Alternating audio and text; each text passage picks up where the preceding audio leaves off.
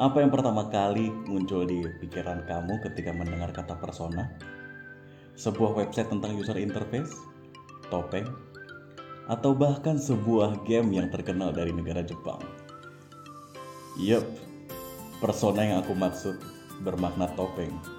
Topeng yang bukan hanya sebagai aksesoris ketika pentas, tapi topeng yang kamu pakai untuk menghadapi dunia. Lalu, topeng apa yang kamu sering pakai? Apakah kemarahan, ambisius, sedih, bahagia? Hanya kamu yang tahu. Berikut ini pembahasan lengkap mengenai persona. Jika kamu ingin mengetahui lebih lanjut tentang topeng apa yang kamu pakai dalam kehidupan, kita simak berikutnya.